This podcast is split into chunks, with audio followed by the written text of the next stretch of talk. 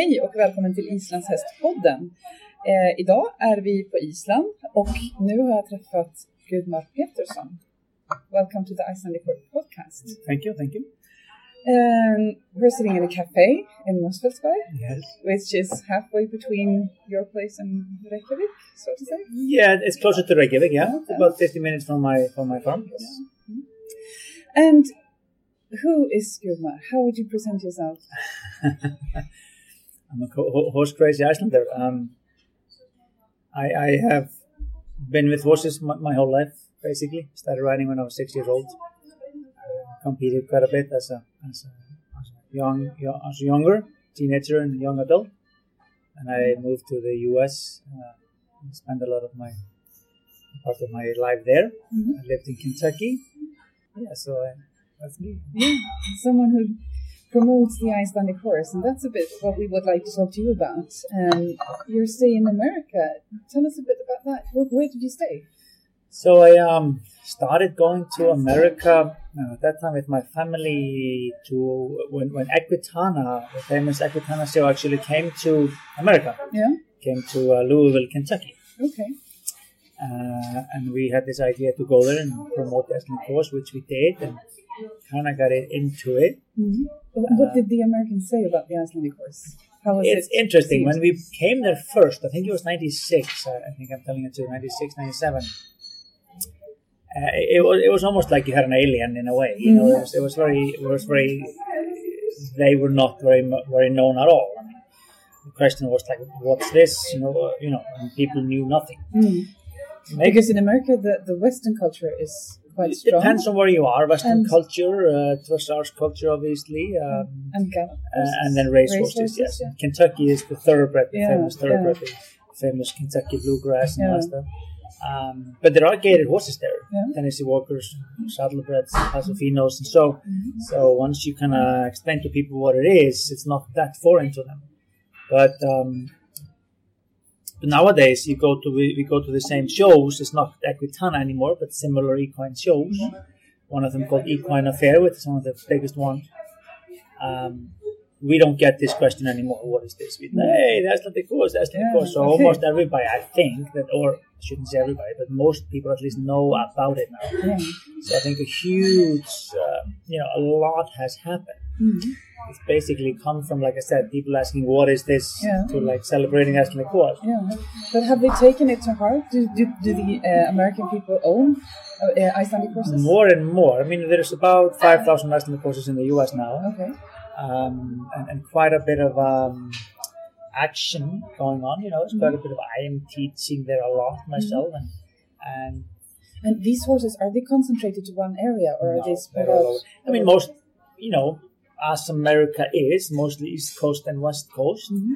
I think I can't remember the numbers exactly, but somebody told me the other day like 70 80 percent of America lives on the coast, right? Yeah. And same with the horses. So Yeah. Mm-hmm. New York and up and down the East Coast, and then California, and a little bit on the West Coast, and then a little bit in between, Mm-hmm. Midwest quite a bit, you know, Wisconsin, Minnesota. So it's a little bit of a merry-go, but what makes the process a little bit slower and, and, and, and harder to deal with are the distances. yeah. I would quite frequently drive 12 to 18 hours to go to a horse show. you know. Okay, That was yeah. not Uh, totally big not country. abnormal. Mm. I have people coming to my clinics that drive maybe two days yeah. to spend a week in clinic. Mm. So um, it's it's you know your kind of feel for distances uh, changes. Mm. It's funny. I had a friend of mine working there and uh, for me, and he was then later going to go back to Iceland and, and go to Hólar, the equine college in the north. And he was trying to find an apartment in the north. Mm. Uh, he lived in Reykjavik, but after being in the U.S. for a few months, he said, "Well, I can just live in Reykjavik and, and commute." Yeah. Yeah. jokingly. So it's like you know, it's not uncommon to, to drive quite a bit, you know, Mm. and you kind of get used to it. Mm. But it slows the process down. Obviously, it's hard to put shows together. It's hard to get people together. Mm. So it makes it challenging. Mm. But nevertheless, you you're seeing a huge, huge um, difference. Like when I was there in, in the beginning, there was very very few teachers teaching there at all. Now we have a lot of teachers going there and go there regularly, Yeah. both from Iceland and, and, and you know Scandinavia, other parts of Europe. Mm. So um, we might not see the sales numbers go up dramatically, even though they're going up. You know, as far as exports from Iceland goes, Mm. but uh, the activity on the market has has you know multiplied Mm. over the years. Do they have breeding in America as well? Yes. America is actually quite well suited for breeding because there is enough space, Mm. especially if you go into the middle. Mm. There is farms that are huge Yeah. and, and often different from Europe, you know, where, where people are trying to breed on smaller farms. Mhm. And, and uh, Iceland obviously has this highland kind of ability and, and Mhm. big farms. And so does America in, in some places. Mhm. Obviously not in the cities or, or closer to them maybe, but, but there's definitely uh, in some places good areas for, for breeding. Mm. Um, so there's has been quite a bit of breeding there. So there's, there's quite a bit of horses there, Mhm. and quite a bit of business kind of and, and, and going on within the country. Uh, and that's part of the reason we don't necessarily see the sales numbers as far as export goes, Mm. you know, multiply yet. Mhm. But it's a it's a huge market and, and, and, and fascinating, I think. The Icelandic horse does it does it um, have a good life in in America? Or uh, I am thinking about the problems that we have in Europe with uh, XCM. Uh, eczema does exist in the US, and I dealt with that myself. However, I think it, um, uh, as far as I've learned from other Europeans, for for example, German friends that come over there, for example, it's it nowhere near as bad as it can be in, in those places. okay. Um, I don't know exactly the reason. My feeling is that one of the reasons is is the space. Mm. Uh, I think sometimes in Europe you, you have to have quite a bit of horses in a, in a small place Mm. and in the US you usually have quite big farms. Mm. Americans are used to everything big and Mm. everything is spacious and and it's obviously in the US it's a quite expensive horse. I mean it costs about you know four or five thousand dollars to get one of them from Iceland to, to the US. Yeah. So as a result, as on the same time I think it is a problem, it may be in some ways been a blessing too because it kind of creates a little bit of a selection Mm. right? You think twice before you export just anything. So in the US, it's actually, you know, for how young the market is, I would say there's quite a bit of good horses there. Yeah. Mm. And in general, there are not not many bad horses in, in a way. Um, so, and, and as a result, also the people that own them can afford to. Mm. So the facilities are in general quite good. Mm. And my place, and that's a very common thing. We had an automatic fly spray and fan for each horse. And Okay. washing stall and Yeah. like so it's like Yeah. uh, I was able to to totally keep the eczema under control with with proper care. Mm. Um, there's obviously areas that are worse than others, but in general it's it's it's there, Mm. and I would never say that it's not a problem. Mm-hmm. But uh, I think it's a smaller problem than than uh, in Europe. Parts of America are also uh, very warm. hmm How does the Icelandic horse cope with the heat? surprisingly well. Um, it surprised me uh, big time. In most places, or many places, you have to clip them. You know, Yeah. Mm-hmm. You, bought a clip in California, and you go south like Texas or Florida. Um, and even in Kentucky, we would clip them, partially at least. Mm. Um, but many parts of America also get very cold. Mm. Many, many parts of America get much colder than Iceland does. Mm. Like, much colder. Yeah. So it's a common misunderstanding, especially in America, that Iceland is always freezing, but I, I can tell many of them actually your winters are much colder than mine. Yeah. And that surprises them. Yeah. Um, it, it does get quite quite hot but in, in many places, um, but also gets quite cold. Mm. Um, so it, it- the horse, they're almost like kids. They have a, have amazing ability to adapt, Mm. and um, it really um, amazed me when I saw that again and again. But obviously, when you when you put the horse, I mean that's the same in Europe. You know, it gets quite a bit hotter there than Iceland. Mm. Mm. So I think whether it's going to Europe, Iceland, it's always going to be a big change for them. Flies and bugs and heat and all those things Mm. that they're not used to. So I think it's always a sensitive transition period Mm. and I think it's a good, you know, always a chance that things can go wrong in that transition period. So I think it's important that we try to handle that well. And I encourage all my clients when they import horses to the US to be very careful and ideally have a professional take care of them in the Mm. beginning. Mm. Yes, you cannot count on the horse you ride on the fields at his home farm in Iceland. Mm. You put it on a plane and take it to another country. Don't expect the horse to be the way he was when you, Same. Oh. you know, when you left him in Iceland. It's not fair to X. Mm. You know, you have to allow him some time to figure things out and, Mm. and, and, and become himself again. So uh, if that is carefully done, then I think it, it, it's usually not a problem. But you have to be aware of it. And tell us a bit about um, the way of keeping the horse, uh, competitions, and you, you mentioned different shows that you went to. But can you do people compete with Icelandic horses in America?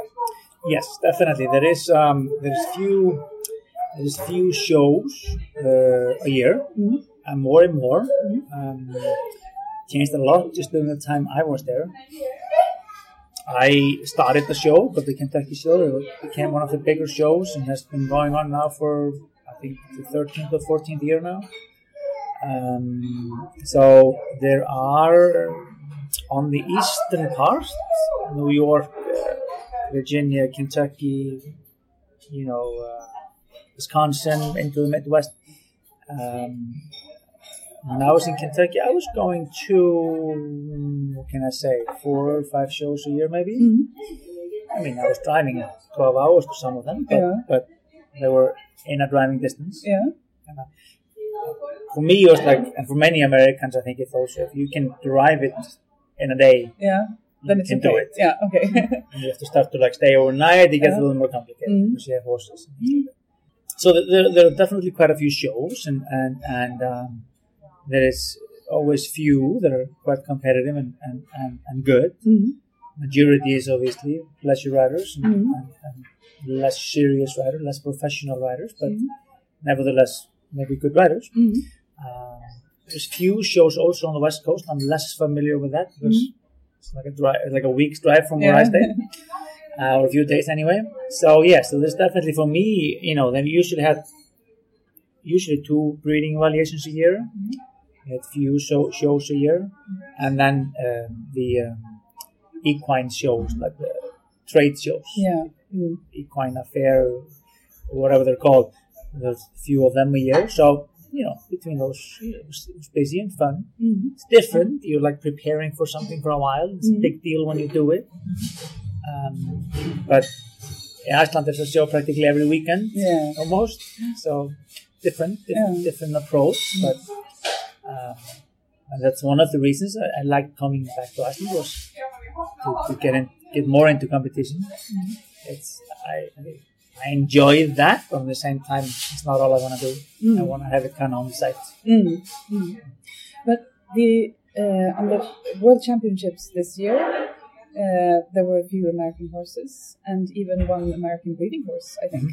Yeah, yeah. I think it was the uh, maybe not the first time, but not often that, that has happened. I mean, there is actually some good breeding in the U.S. There Mhm. is um, people have bought good mares and there's some good stallions there, so good horses are being bred there. Mm. Um, so I was happy to see that. You know, the Americans usually don't have a full team, and sometimes they had some really good results there. They had, had riders do well, Mm. uh, very well, A finals. You know, Asta and Will have done very well in the World Mhm. Championships, for example. But it's a big deal. You know? Fly the horse over, Mm. Yeah. it's expensive. Mm. So just because they're good enough doesn't mean they show up there. You Yeah, know, yeah. you have to It's a big come up with deal a lot to of get money and Mm. fly the horse a long way. So it's not easy to do. Mm. Mm. You know, even if if if they are you know competitive, Mm. it takes much more than that to be able to do it. Yeah. So it's tricky. Mm. little, little bit of his own world in that way, but but you know, fascinating market and, and quite a bit of potential there, Mm. in my opinion. So you spent quite a few years in America, Mm-hmm. but now you're back in Iceland. Yep. Tell us a bit about that. You bought a farm. Yeah, so I I, I um, own this farm um, in the west part of Iceland, close to Borgarnes. Uh, I own it with an American friend of mine called Kat- Catherine Love. It's, it's we, we, we the farm's name is Stavarhús, but we, we call the operation and the, and the umbrella uh, for for all the operations there is Hestaland, and that's that's our uh, kind of brand.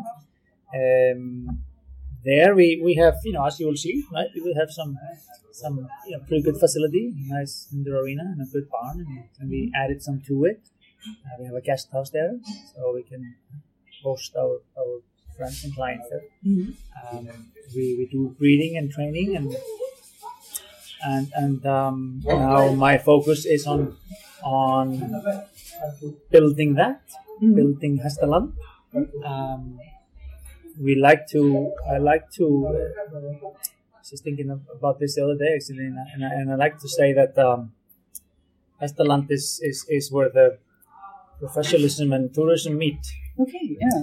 so um, we for example when we do treks we always do a couple of days two days preparation before the trek Yeah. so we do two days where you get to know your horse and ride around the farm and in the arena and we teach you about the horse Mhm. and then we do a four day trek after that Okay, yeah. when we do take people on short rides, we don't take anybody out on the trail without going into the arena and teaching them a little bit first. Yeah. Uh, me and my sister Linda is with me in this, and so we're both riding instructors. Mhm. So we, we teach them quite a bit. Mhm. And uh, so we like to kind of believe that we are offering high quality tourism or, or even related tourism, where we uh, have this educational focus on what we do, Mm. simply to try to make people's experiences better. Mm. I started thinking about this when um, friends of mine in the U.S. went to a trek in Iceland and I said, "How was it?" When they came back, and they said, "Well, first two days were terrifying, but then it was great." Okay, yeah.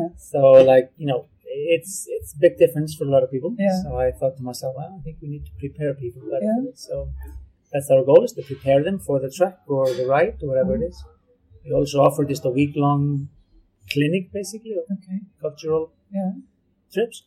Yeah, so so we're, we're focusing on that and the barn tours, like I said, where we where we uh, offer people to come to a farm visit, where we introduce them to the horse and Mhm. show them their gates, Mm. tell them about the history, and, Mhm. and uh, And the people that come to Hestaland, are they um, novices on Icelandic horses or are they uh, people who are al- already interested? and, and totally both. Yeah. And mostly so far, a lot of them are, are my my clients from from the US. Mm. So like right now, I'm happen to be in Iceland, but I spent the fall a lot traveling around the US and teaching. Mm. in the winter time, I go like once a month and teach. Yeah. So I have quite a bit of students that I that I teach every year. Most of my uh, guests in in in Hestaland are um, my students or, or related to that somehow. Mm.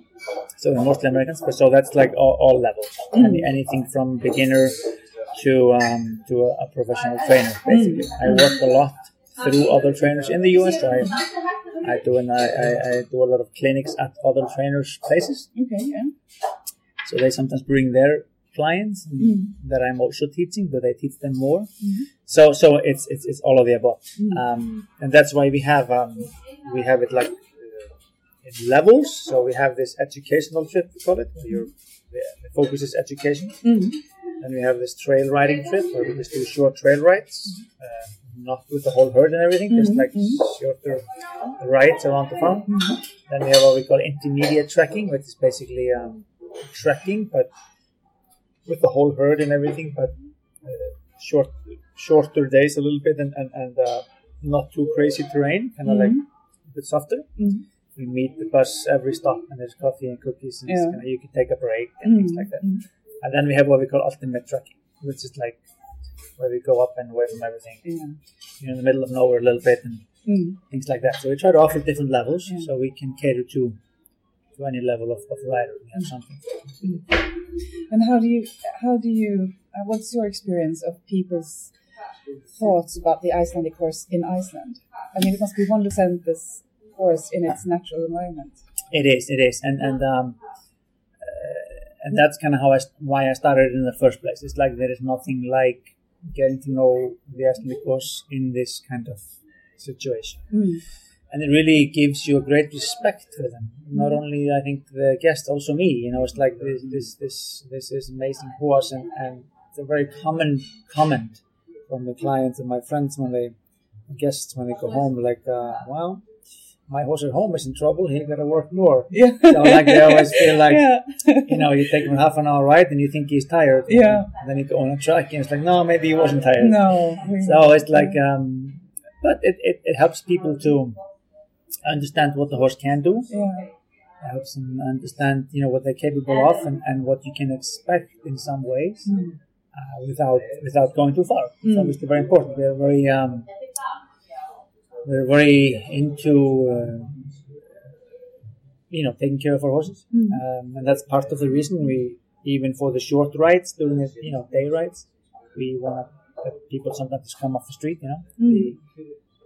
We want to teach people how to ride the horse a little bit first Mm. because it's a better experience for them, but even more so, it helps the horse a lot Yeah. Yeah. it is people not to use the reins as handles and you know Mm. things like that. We now just made um, an agreement with the Austin saddle tax store. Yeah.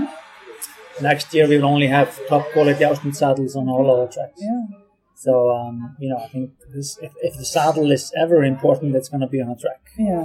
Mm. So that, that it's a well balanced saddle that the rider can be balanced in. Mm. I had some examples last summer where um, people would not have been able to finish the track if it wasn't for the fact that I was able to switch them into a really, really high quality saddle. Mm. I thought I had decent saddles, but Mm. I realized this summer that it's, it's extremely important. Mm. Mm. I think the horses will last longer, the people will feel better, Mm. and uh, so we are making a big investment in, in the Austin saddles. Uh, you know, different kinds of them for everybody has what they want, but it's um, that's important. Mm. So we, we like to try to take care of our horses. I think the tracking can be usually is great for the horse, but it's also a lot of work. Mhm. So you have to be really aware. Mm. Mm. They might not tell you. Yeah. really, mm. And you breed horses as well. Uh, tell us a bit about that. Do, does your own horses work at the farm? not yet, No? but hopefully soon. Yeah. My my kind of first generation is really I you know fooled around with it a little bit through the years, but my first kind of good young ones from my proper breeding I think they're like five you know turning five now, Mhm. so they are uh, or- or- yeah, so they're they're actually quite promising. Mhm. I'm excited about those. I, I, you know, two of the first of the oldest ones which are quite promising, and then two four year olds are also promising. So. So I'm excited about that. I'm, I'm hoping that I can I can use or, or yeah use some of them at the farm or, or for competitions or whatever. I have about six mares, six seven mares that I co-own most of them. Yeah. So uh, I like to kind of uh, own them with other people. I think it's better that way. Then you kind of can have more mares going but- Mhm. because nobody knows who's going to be the, the mare that you know throws the geniuses. You Yeah, know, so. Uh, but I have you know four or five first prize mares, and um, it's. I wouldn't want to count on it for making a living at this point, but Mhm. but uh, who knows? Maybe if I'm lucky, I will I will be more than um, more than the pleasure. But it, it's really fun and uh, creative. I think to Mhm. breed like you're creating a new life. You're trying to create something great, and it and it feeds my creative side somehow also, as well as training does and putting on shows. Mm. So uh, I, I wouldn't want to be without it, but I also try to keep it at a small scale. Yeah. Yeah. It's easy to lose out of, out of control. Yeah. Easily get too many. Yeah, yeah, Yeah. Exactly. So we don't want to go there, not yet anyway. It sounds like your um, your business at the moment has a very diverse. Uh, you have breeding and you have riding and you have this guest house. How many people work at Hestaland? It's very seasonal. In the wintertime, when we're mostly training and doing some teaching, it's usually about four to five of us. Mhm. Um, we kind of close the guest house down for the winter. Okay. In the summertime, we we will be we were, last summer we were between ten and 12 Mhm.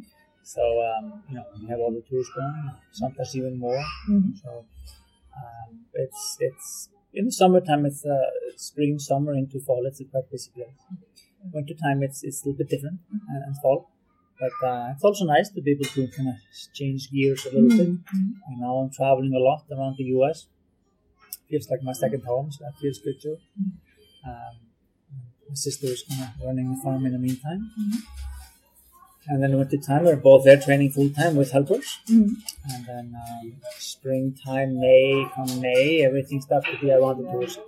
So we put all the training horses kind of aside, you know, for other people, and we just start to focus on getting horses for the tours and tracks and, and all that. And the tours, are they mainly around your farm or do you go to different areas of Iceland? They're in, in this area. I'm, I'm lucky that our farm is, uh, excep is exceptionally well located for, for trekking. Mhm. We can go to the Sniper's Nest and we can go to the north and we can, we can go anywhere from, from uh, the location we have. Mm. So there's endless amounts of, of, of routes we can go. I haven't even tried nearly all of them. So every summer we try to do something new. Yeah. So that's fun for us too. We don't always go the same route. Um, so, but it's always in the it's, you know in the area, and, and our goal is to you know keep it enough in the area that we can come home for. We always stay at the farm. Okay. So we, we have, um, you know, guest house is not fancy, but it's comfortable and mostly private bathrooms and made up beds and nice food and hot tub and things like that. So we always come back to that every night. Yeah. Uh, we don't, we're not in the, in the, you know, sleeping in the mountain cottages, things like that. We, we do not do that. Uh, we like to come home at night. The horses might stay in a field somewhere, but we, we, we come back. Yeah. So usually the first day is we leave the farm, and then uh, with the horses, and then we come home every night to sleep. But the last day we come back home with horses. Mm. So it's like a circle. Mm. So it's fun. One of the best things about doing this podcast is that we have an interest in Icelandic horses and a passion about learning new things. And I really feel that you want to teach. That's interesting that, that it's, it's in all your different areas of, of work at the farm and also in America, the, the passion to teach people about the Icelandic horse. Yeah, it, it's it's something about you know I I um I like I, I like creating experiences for people. whether it's a track or, or, or do a show. We have the show team in the US where we do shows. Like we- we- it's called the Knights of Iceland. We, we do the biggest shows where we have an evening performance. When I did the Falcasel show, I was creating a big show. So that's like something creative about that, but also creating these experiences for people. That people like the tracks, you know. I like I like when people come home or go home having experienced something that they would not have been able to otherwise. Mm. And and um, creating, I like creating things and and, and, and creating experiences. And that's kind of what teaching is about too. You know, you're helping people turn on some lights in their heads Mm. and try to help them um, enjoy the horse better. And also, uh, you're also helping the horse. You know, Mm. Like um, Mm. they're trying to create a language between the two of them. Yeah. Mm. That's what's so fascinating. It's like nobody really knows. Nobody's never really figured out this horse or has totally figured out the horse. All of us are trying every day to figure them out more and more, and um, we're trying to build this language between a horse and a rider, and, and, and, and I like that. Mm. It's, it's, it's fascinating to me. And we wish you luck in the future Thank you. with Hestaland. And thank, Thank you very much for letting us know. And we're going to stay at Hestaland tonight, Excellent. get an experience of our own, Yes. which we look forward to. Thank you. I hope you have a great time. Thanks for having me. Good luck to you.